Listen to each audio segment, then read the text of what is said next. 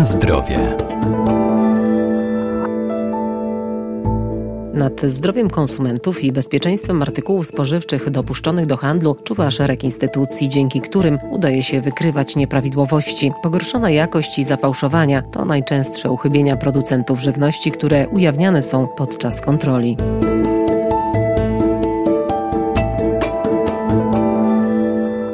Każda żywność, którą kupujemy, powinna być dokładnie oznakowana, bo etykieta na opakowaniu to dla nas cenne źródło informacji, ale nie zawsze producenci stosują się do przepisów. Zakazane jest wprowadzanie konsumentów w błąd, na przykład sugerowanie, że kupują produkt bez konserwantów, gdy w rzeczywistości je zawiera. Na co zatem powinniśmy zwrócić uwagę kupując artykuły spożywcze? Gdy kupujesz produkty na wagę lub na sztuki, zwróć uwagę, czy nie dopłacasz za wagę opakowania. Masz prawo wiedzieć, jaki jest skład produktu produktu. Agnieszka Orlińska, Urząd Ochrony Konkurencji i Konsumentów. Powinien być dostępny w miejscu sprzedaży, a także kto jest jego producentem.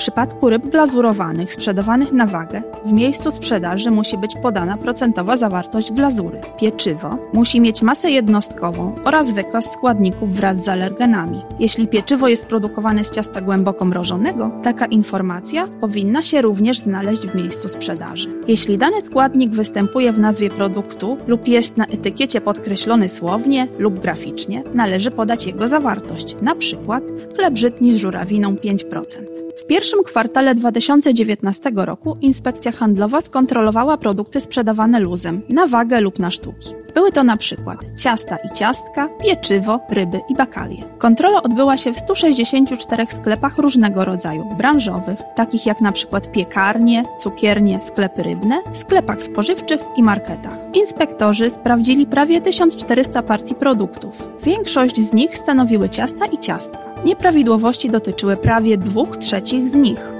Były to zarówno błędy w zakresie oznakowania, jak i nieprawidłowości w zakresie jakości. Najgorzej pod względem oznakowania wypadło pieczywo. Najczęściej przy produktach brakowało jakichkolwiek oznaczeń. Przy jednej trzeciej produktów nie było wykazu składników lub był podany niewłaściwie. W niektórych przypadkach nazwa wprowadzała w błąd, na przykład kule rumowe nie miały w składzie rumu. Brakowało też nazwy producenta lub masy jednostkowej. W laboratorium zostało przebadanych 80 partii. Pracownicy zakwestionowali 15 z nich. Kontrolerzy sprawdzili również rzetelność obsługi. Okazało się, że w 26 sklepach sprzedawcy zawyżali należność. Liczyli ją według innej ceny niż na półce lub wywieszce lub według wagi brutto. Na zdrowie. Specjalne oznakowania muszą zawierać także owoce i warzywa. Unijne przepisy nakładają na producentów i importerów żywności obowiązki, które pomagają nam, konsumentom, zidentyfikować kraj pochodzenia tych produktów.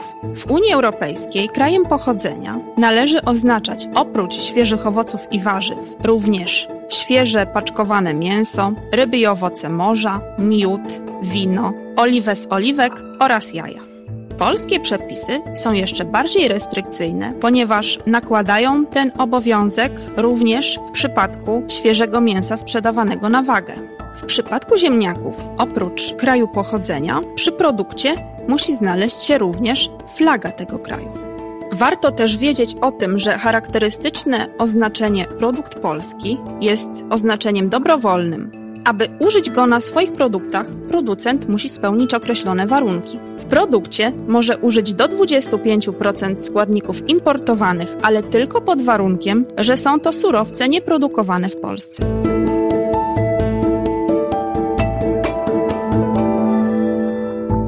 Wszelkie nieprawidłowości co do jakości produktu lub jego oznakowania możemy zgłosić do Inspekcji Handlowej albo też do Inspekcji Jakości Handlowej Artykułów Rolno-Spożywczych i do Państwowej Inspekcji Sanitarnej.